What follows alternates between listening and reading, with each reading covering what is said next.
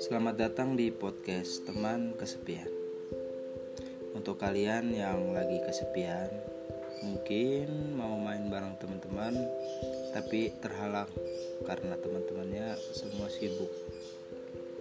Jadi, mending diam di tempat dan mendengarkan cerita-cerita yang akan disajikan oleh podcast Teman Kesepian. Oke, aku Suga dari podcast Teman Kesepian yang akan menemani kalian dengan banyaknya cerita.